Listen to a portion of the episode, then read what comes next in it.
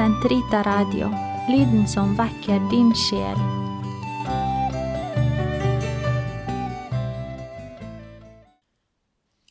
Den katolske kirkes katekisme, uke 24, torsdag, paragraf 1420 til 1426. Helbredelsens sakramenter. Ved de kristne innvielsessakramenter mottar mennesket Kristi nye liv. Men dette livet bærer vi i leirkar. Det er fremdeles skjult med Kristus i Gud. Vi bor fremdeles i vår jordiske bolig, som er underlagt lidelse, sykdom og død. Det nye liv som Guds barn kan svekkes, ja tapes, ved synd. Herren Jesus Kristus, vår lege for sjel og legeme, han som tilga den lamme hans synder og ga ham legemets følelighet tilbake, ville at Hans kirke i Den hellige ånds kraft skulle videreføre hans verk til helbredelse og frelse, også blant sine egne lemmer.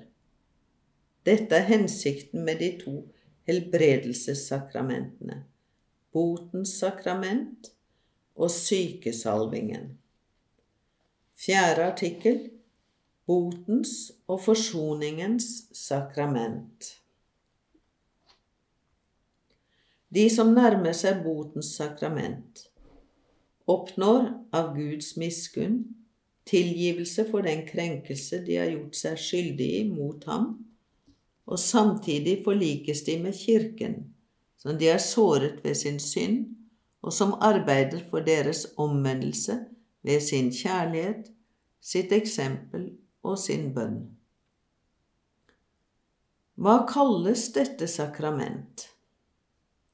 Det kalles omvendelsens sakrament fordi det fullbyrdes sakramentalt Jesu kall til omvendelse. Det er det avgjørende skritt på veien tilbake til Faderen som en har fjernet seg fra ved å synde. Det kalles botssakramentet fordi det bekrefter et personlig skritt av betydning for forholdet til Kirken i retning av omvendelse, anger og botferdighet fra den syndige kristnes side.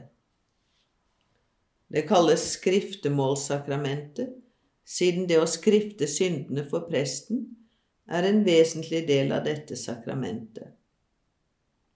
I dyp mening er dette sakramentet nemlig også en bekjennelse, en anerkjennelse og en lovprisning av Guds hellighet og Hans miskunn mot syndige mennesker. Det kalles tilgivelsens sakrament fordi Gud gir den skriftene tilgivelse og fred ved prestens sakramentale absolusjon.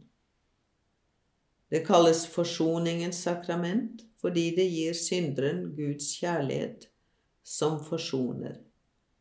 La dere forsone med Gud. Den som lever av Guds miskunnsrike kjærlighet, er beredt til å høre Herren når han roper. Gå og forlik deg med din bror. Hvorfor et forsoningens sakrament etter dåpen? Dere har latt dere tvette rene. Dere er blitt helliget og rettferdiggjort ved vår Herre Jesu Kristi navn, ved Ånden fra vår Gud. Man må være seg bevisst hvor stor den Guds gave er som skjenkes oss i de kristne innvielsessakramenter, for å fatte i hvilken grad synd er noe helt utelukket for den som har ikledd seg Kristus.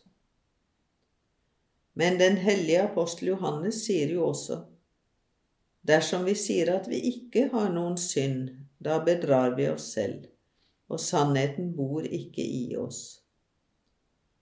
Og Herren selv har lært oss å be slik, forlat oss vår skyld, og knyttet gjensidig tilgivelse av skyld til Guds forlatelse av våre synder.